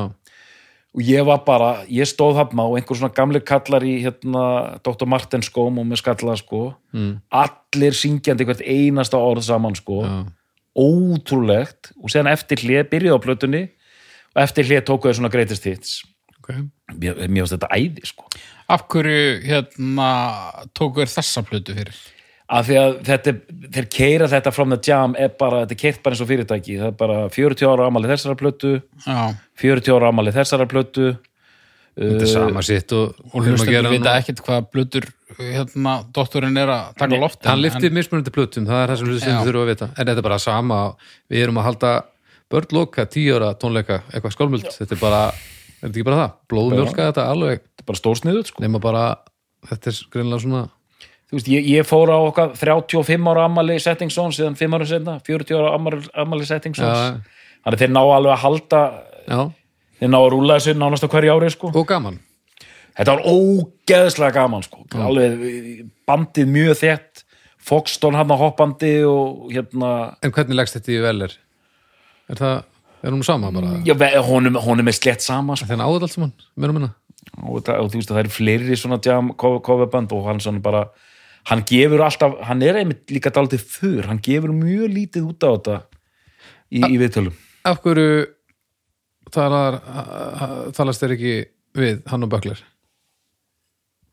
ég veit það ekki, þetta, þetta endaði Ég hún alltaf eina plötu eftir ég já, klára það við kannski klá, áður, klárum eða? hana kannski Já, já. Eh, 82 og, og þannig er þetta búið að koma hann alveg Going Underground, ég ætla nú að syngja allavega hana kóra sinn Going Underground, Going Underground na na na na na na na na na na na I'm going underground, Going Underground la la la la la la la Boys shout out for tomorrow dilim, dilim di di di di di Nei, þetta er ekki að fljúga Þú gæti tekið hérna, That's Entertainment líka fyrir Baldur, hann, hann gæti nú þekkt það Þetta er entertainment. That's entertainment. That's entertainment. Ooh, la la la la la la. la. Ég er bara La, svolítið la, í myrkur la, með la, þetta. la. Með þetta ba- band, ég veit ekki af Það, hverju. það fer að koma Þetta var ekki kannski fyrirtagsflutningur en Já, þetta er líka, ég þetta tralla allt, við erum trallarar hérna Já, ég og en ég Haukur. meina, já, en- já, þú trallar vel. þú sko. er nú En- alveg trallað hérna, Betur. betur sko En hérna, Going Underground var ekki á plötunni fyrir þá í Amerikútgáfu eða eitthvað. Já, Það var uh, frístandandi sko Það er frístandandi. Frístandandi. Já, já, já. Þeir eru svona í þessu alltaf tíð bara. aldrei mikið í þessu sko Ok. hérna, allavega, já, Going Underground hérna uh, 82 nú Mhm. erum við komin daldið inn í 80-sið kemur út platan The Gift Já. Vissu er þarna að þeir væri að fara að hætta eða nei, Nei. hérna þarna er komið miklu meira svona R&B og soul nú eru við farin að tvinna þessu bara inn í sínar eigin lagasmiðar Ok, það er lag hana sem heitir Pressure sem er bara svona bara eins og- einhver svona Curtis Mayfield funk sko og þetta er svona, þetta er svona, svona New Wave-legt Já, dálítið sko Væ- Jú, það er mér sem tekið fram hérna New Wave, Motor í Vævar Já. og Soul Be together now Di- di- di- di- di- di- og hérna hvað ætlum við að segja hérna Mér finnst nú alveg svona, já, það er nú alveg, nýbylgjan er, er byrjuð fyrir, sko. það er kominir svona já, já er, það er bara áframhald á henni en hva, byrju, hvað ætlum við aftur að segja byrju, The Gift 80, já, mér minnir að bara það var eitthvað þannig að haldandi áfram þessar Dick hugmyndir að hann hafi jafnvel bara tjáð þeim það bara sko fimm minútum að þeir fara upp á svið sko bara hefur strákar þetta síðast er, meðan í mann síðustu tónleikarnir sjáum síðar eða ekki hann er sem sagt bara kú, kúkakall Já, og þetta er, ég, ma- mér minnir þetta ég get ekki staðfist þetta en, en þetta var einhvern meginn svona, þetta var lási endalok, sögðu bæði sko Böckler og Fókstón, hann lét ekkert ná í sig og bara og fer bara og stopna nýja hljónsveit sem heitir The Style Council sem eru alveg á kafi í svona bláeigðri sálartónlist og svona og mér eru alltaf fundist það band bara freka leiðilegt þannig sé sko okay. En The Gift, þú voru að segja, það, það er lag sem Baldur þekkir. Já, þú þekkir uh, lag á þessar plötu, Town Called Malice.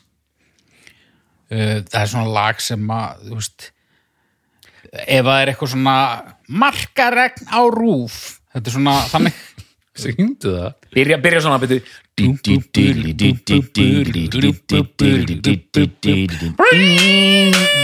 La la la la, la la la la, la la la la, la na na na na na, quiet life, na na na na na na, na na na na na na na na, na na na na na na na, hey, na na na na na na, for things you never done.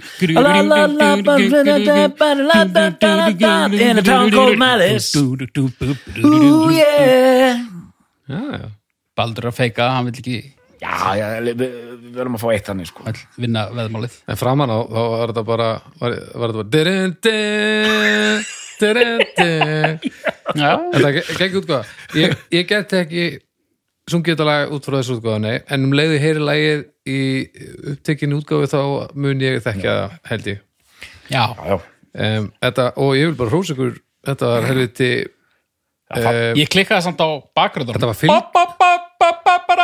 þessi útgáfa var helviti fylgin sér ég, já þetta var besta, jam, þetta var besta, jam, besti jamflutningurinn í, í kvöld. sko. já, Já, ég, þú ert líka búin að vera svolítið þú ert búin að vera svolítið svona bara eins og solo fyrir solo, já. Paul Weller hérna búin að vera hérna einn valta yfir einn og yfirgefin já, já. Um, ok, þessi plata er bara mjög fín og skemmtileg plata. Já, Allt öðruvísi, Ok. en bara, þeir eru bara flying high og þarna, en það er það er nú ekkert allir sammála því sko nei, Hún fékk ég myndi mjög setja misjafna hana dóma, sko. e- ef við skiptum þessu bara alveg í tvent myndi ég setja hana í bottom 3 sko en, en Foxton og lagani já, mögulega best af þreymur sístu já, ok, hún fær uh, uh, mjög blandaða dóma ok, uh, fólk veit bara held ég ekki alveg hvað er að gera við hana og kannski er þetta eina af þessum plötum sem að í- svona, í setni tíðir fólk átt að segja á því að þetta var nú magnað, þetta var bara ekki það sem fólk átti vona á eða eitthvað en er þetta ekki, er Kannski kannski bara- er ég að mikla fyrir mér stökkið í þróun músikvæs frá síðustu plötu eða ég held það Já, ok. þú veist, jú, eins og þú segir það er svona eh, það, það er meira af einhverju þú veist, eh, einhverju mótán stælum hana en mér finnst hún samt, mér finnst hún ekkit eitthvað þetta er engin uppeyja sko Nei, nei, þetta er, þetta er, þetta er línuleg þróun og, og þarna 82 er The Jam orðið mjög stórt band í Bretlandi tónleikar, eins og einhver lísti þetta var orðið svona boys club þetta var svona strákaband sko Já. og bara fólk flyktist þarna og þeir, eru- þeir hætta alveg á toppnum þetta er bara svona pólís eða eitthvað alveg sko það er bara svona Já. þeir eru bara mjög vinsalir hérna, 82 en hann, honum finnst hann bara að vera orðin svona heftur, pólvelur og bara ég er hættur og fyrir að elda einhverja eh, kaffihúsa, sálar, tónlista, drauma sko. Já, mér sýnist svona ég var að skoða þetta hérna eldsnögt að þá vildi hann fara meir í experimentation dút og þeir vildu bara vera í gamla rock mót stemmaranum sko. Hann fer- þetta er bara svona, svona light jazz eitthvað dæmi sko. og honum var farið að líða eins og hann væri bara farin að að semja eftir pöntunum já, já, já. sem er alltaf ágætis ástæða fyrir því að hætta að gera hlutina ef mann líður þannig en það er samt óþarf að vera titlingur já, já, já hann, hérna. og uh, já, og þess vegna sko, eins og með þennar þátt ég vissi það, ég, ég vildi hafa þetta bara the jam, ég hérna ætlaði mitt bara að minnast á, síðan stopna hann The Style Council og síðan fer hann á soloferil and that's it, ég hef ekkert meir um það að segja í rauninni sko. og þú veist, en það er hvort tekja alveg ljómandi vel gert bara miður skemmtilegt eða. já, já sko mér, persónulega finnst mér þetta ekki skemmtilegt en, en ég meina Style Council var alveg frekar stórt band í 80-sinu en er, hann er mjög patsi í þessi soloferil hans en, en, en ég veit það ekki, Berettin er voða hrifin á sko. honum, Já, ég ætla að segja það þá, þá- hérna, eh, englendingar þeir kokleipa það sko. já, englendingar og þetta er, það hefur alltaf verið mjög, mjög ennst band sko. já, en, en það er oft með svona bönd sem hætta já, kannski ekki alveg á toppnum en, en svona hætta þegar að hætta í fullu fjöri að, að maður svona hugsa sko hvernig hefði hvernig hefði þetta verið ef þetta hefði haldið áfram mér finnst, þó mér finnst þessi plata ágætt, þá einmitt held ég að sko, ég held að ein plati viðbútt hefði mögulega bara verið drasl sko það er svona og sérstaklega bara núna uh, að vera búin að hlusta á þig þá hérna þá held ég að, að, að sjöfunda platan hefði mögulega verið hérna uh,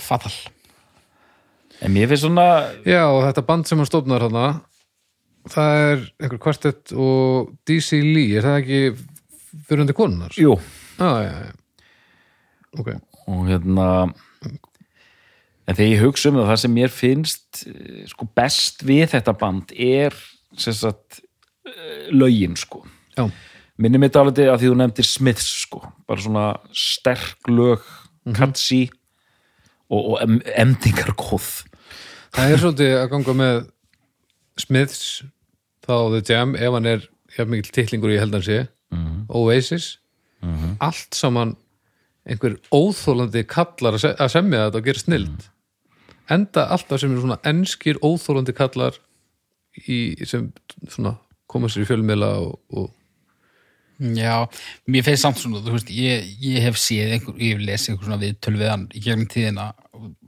vitandi valla hver það var, sko.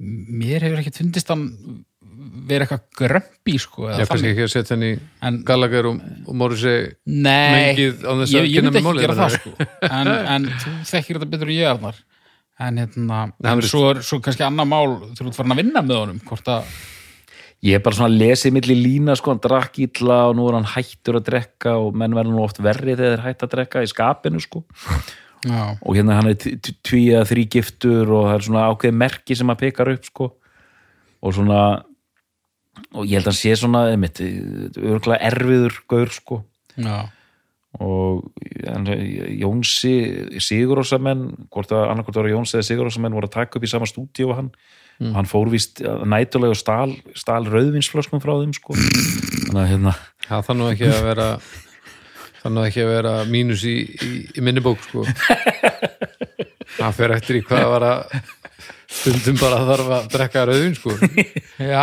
veist það já, já, hann eiginlega, já, hann fekk plúsalega sko að þú veist mögulega menn menn verða að retta sér menn verða að redda sér uh, já, en þannig að ég, svo sem já, hvað vil ég vita meira sko Því er það góð saga samt já, þetta er Það gott kefti rauðin og Paul Weller Stalin já uh, mér langar er rauninni bara að komast út að því hvort hann sé eh, fíbl já, að því ég, er- mér líður, ég er bara átt að með á því núna ég er búin að drulla helviti mikið um mann sem ég er ekki með neinar sannanir fyrir þessi fíblin nema að því hann setti ekki eitthvað texta á bluttu Já, og sko- var ég brjálæður Sko, í- í- ég veit ekkit gríðalega mikið um hann en, en, en ég held að það sé mögulega að fá ómikið fókus í þetta sko. ég held að hann sé já, já, sko, er aðeins, ekki- aðeins slakaður Ég held ekki að- dili Nei, ég held að sé bara svona, þú veist ég meina, ef þú ræður öllu í hljómsett þá eh, það kom einhver til að element fram, sko já líka bara, hann, hann fer, ef hann langar ekki að gera þetta lengur þá fer hann að gera eitthvað annað og ef engin annar getur tekið við boltanum þá náttúrulega bara Nei, þú veist, eh, hann eh, við förum ekki að setja inn í einhver Dave Mustaine, Billy Joel nei, nei, nei, flokk, sko nei. og og það er sko En ef, ef, hlustund, ef þið þekkið vel til hlustundur þá ef einhver nennir að henda kannski bara inn á umræðahópin hvort að hann sé magnaður eða ekki Já. bara ef þið eru með eitthvað innsett info sko. En þeir voru sko ósáttir hinnir tveir, hvernig hann gekk frá sínum málum sko, en ég meina þetta er þetta bara gömulsag og ný, þegar hljónsættir hætta, það, þú veist og það er oft, menn slíta oft bara alveg á tengslin sko, og, og það er kannski ástæð fyrir því, þeir vilja ekki hann vildi bara algjörlega fa- fara eitthvað annað sko, Já og líka þeir bandið er ennþá uppleið og já, það voru náttúrulega helviti stórt tækifæri að glata Ég meina, þú myndist á XTC áðan í einhverju samingi. Ég meina, þetta er í rauninni ekkert rosalega frábriðin hérna lýsing eins og á honum andi okkar partrit, sko. Það var Bara svo- svona það var gæi svo sem meira er... af ne- af neyð er það ekki Jó, hann, svona und, undrabars element í því Já, já. sko já, bara frekur og, og erfiður í samskiptum, en, en þú veist, dælir út ég veit lögum ekki okkur ég er að verja Pól Weller svona mikið, það er eins og ég sé- hann sé frændi minn eða eitthvað. Já, En, en sko, það er alveg magnað að Paul Weller fólk, þú veist, Paul Weller, ég ætla bara að segja, Paul Weller menn, þeir eru rosalega miklir Paul Weller menn. já, já, já, Þeir eru Rosalega svona hotlusta. já og ég held, Og, og þeir eru alveg til á Íslandi líka, sko. já, já. já, það Ah, Já, já. Er það svona þeir bors, hóllust það? Já, bara miklu færri. Já. En, en jú, þetta er þannig, sko. Þetta er svona menn eins og Óli Palli, Freyri Ejjólfsson og þessir hundar allir sko, þeir elska pólvelir sko. Svona Billy Bragg mennirnir. Já, já, já, já. og, og sko og ég held að eh, eins og komu út hann að tvær plötur hérna Wildwood og Stanley Road sem eru bara mjög fínar en þetta er bara svona þetta er þægilegt svona einhvers konar britt pop rock sko en mér, mér fannst hann aldrei þú veist, hann er bara svona vinnur einhvern veginn svona working musician þannig sé sko Já. bara kom út plötur og þryggjara fresti og so what sko já, já. Mm. Eh, áður en við fyrir mig uppgjöru þá langar mér bara aðeins að velta þessu upp er, er þetta ekki jafn stórt og þú helst þetta væri eða heldur þetta sé doktor Ég eða er, er ég Nei, er þetta ég- bara búið að sneika sér fram hjá mér einhver luta vegna Nei, ég, ég held eiginlega svo ég bara, ég ætla að reyna að orða þetta skiljanlega að mér finnst jafnvel eins og ég sé bara í pínu svona bergmálshelli sko. Held ég, ég sé Já. bara held ég og ég held að við þurfum að fá hérna hópin til að hjálpa okkur til að svona átt okkur á, á umfanginu sko. Ég er bara, þú veist, 48 ára gamall kall, les rekordkollektor og mótsjó á gat og hlusta á þessar plötur og þá hætti manni til að hérna halda kannski að þetta sé stærra. Þetta er eins og það var einhver maður sem bjóði Danmörku og Átni Matt var alltaf að skrifa um ham í morgunblæðið og þegar þessi gaur kom sér í heimsótt til Íslands hann held að ham var í vinsalasta hljómsveit landsins. já. Já. en hvað, en til dæmis hvað önnur bönd uh, að svona svipari stærðagráðu helstu frá þessum tíma ég er að pæla að taka Spotify tekki hérna á monthly listeners og svo leis ef við tökum bara XTC til dæmis Já, ok, gott að mig. XTC það Ég eru- ætla að giska á XTC skíttabi. Okay. XTC eru með 877.219 monthly listeners Okay. Og miklu fleiri plöður. og The Jam eru með eh, 1,9 Miljónir. 1.995.133 Já. Var það mikið? 1.900.000. Já. Ok. Taktu stranglers. Já, ég ætlaði að segja það. Stranglers. og við þetta smið sérna náttúrulega að slátra þessu Stranglers, já, það er Stranglers uh, 2,2 2.239.997 það er ekkit stórkustlega stökk hérna En þannig sko, En svo er Smiths náttúrulega bara í ruglirinu einhverstað lengstur úr hann sko. en þarna er sko Stranglers, XTC og Jam eru allt góð Smiths dæmi eru rétt tæfla 10 miljonir sko. Þetta eru allt góð dæmi þessar þrjár Já, Þetta eru allt góð dæmi um hljómsætti sem voru uppi á pöngtímabilinu alveg en voru ekki alveg algjörlega pöng sko. Taktu klass. klass, það er miklu meira Það er væntalega meira en, en Jó, ég var- hugsa að við áttum okkur kannski betur á Klass er rúmlega 10 Já, og hangir á einu, tveimur lögum vantarlega líka. Hvernig er, ég- ég fór út inn mitt, Pretenders Já, nú er þetta uh, Mhm. Pretenders Fjórar og hálf Já, Ok, hérna Papa Roach Ekki tengt þessu, mér langar bara að vita ég held að það er brandarinn ok Eh, Papa Rhodes eh, rétt tæpa 9 8,965 Ok, En ef þú flettir upp The Jam og ferði í svona related artists, hva, Já. hvað kemur upp á, á, á spottanum? uh, The Jam við förum hérna í uh, fans also like The Beat The Undertones The Stranglers Paul Weller The Style Council Ok. Madness Mhm. Dexys Midnight Runners Ok. Squeeze Já. The Lars Buzzcocks Já.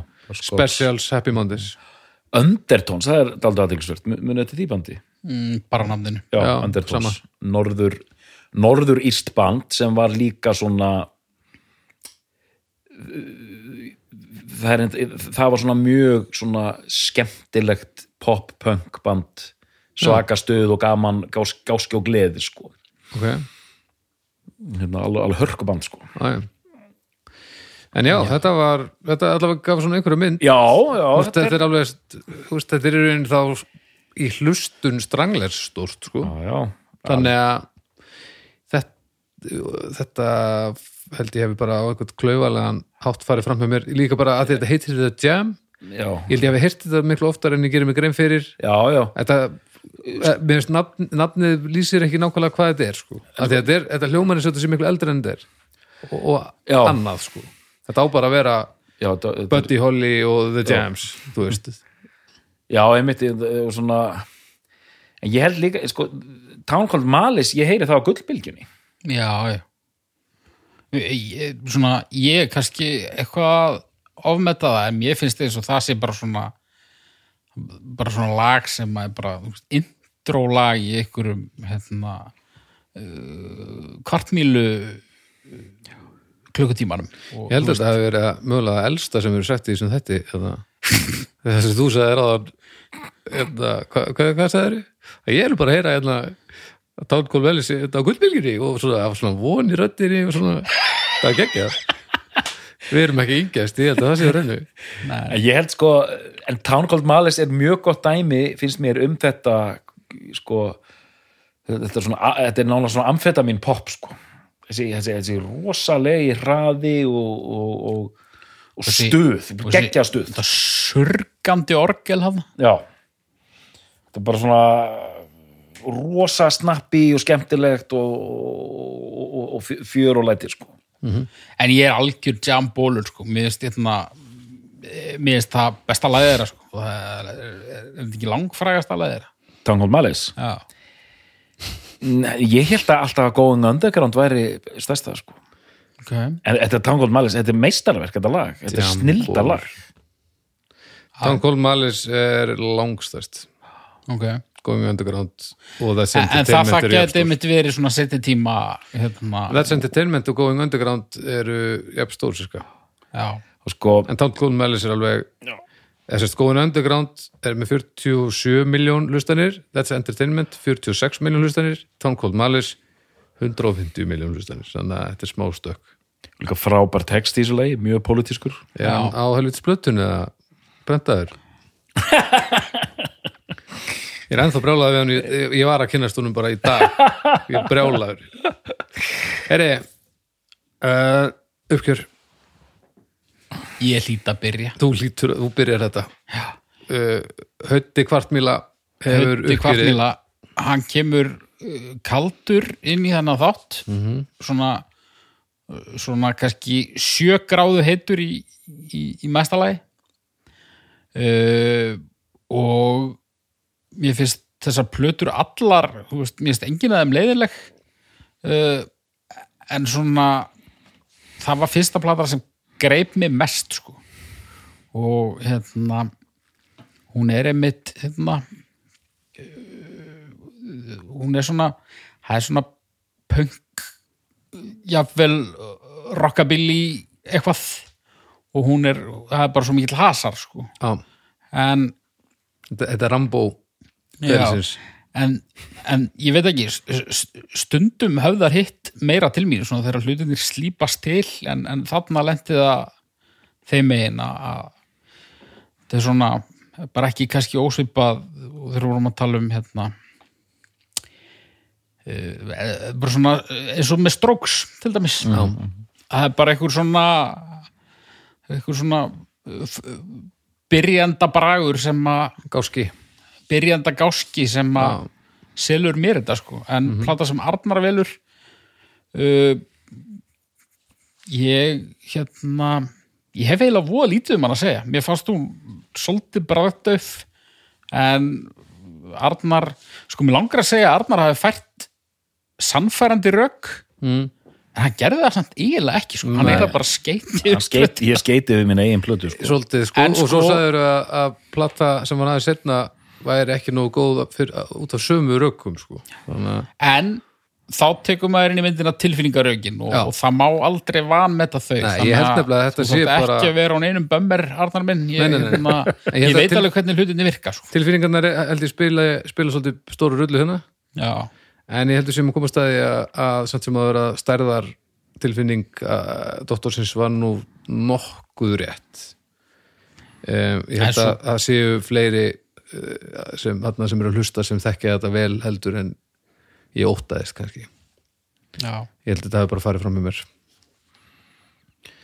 ég held að ég sé bestur í þessum þætti að átta mig á umfangi þessara sveitar það getur verið já, ég er mitt á millingar Já, en hvað hva plötu á ég að byrja að hlusta á ef ég ætla að kynna mér það? ég myndi taka þetta, þetta eru sex plötur tekur bara, Já, en tekur ég bara meina, línuna hvað- En Ég myndi bara- byrja á snapp Eh, Bara svona, já, eh, þekkjandi mig hvaða plötu á ég að, hva, að því að ef ég lendi í tilfinninga pakkanum sem doktorinn lendi í, sem er að fyrsta platan sem maður heyrir, hún hittir oft heldur vel.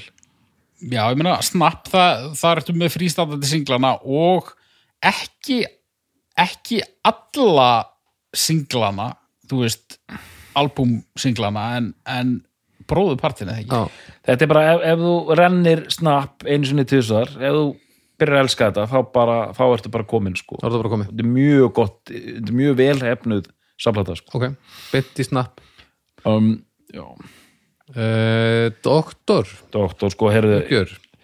uppgjör svo, þetta er góð lína hérna í Tankon Malis uh, Stop apologizing for the things you've never done cause time is short and life is cruel but it's up to us to change this town called Malis Tjúlar skrítið ef að nú myndi Baldur um kveikjum pyrrinni. já, já, já, já, já, já.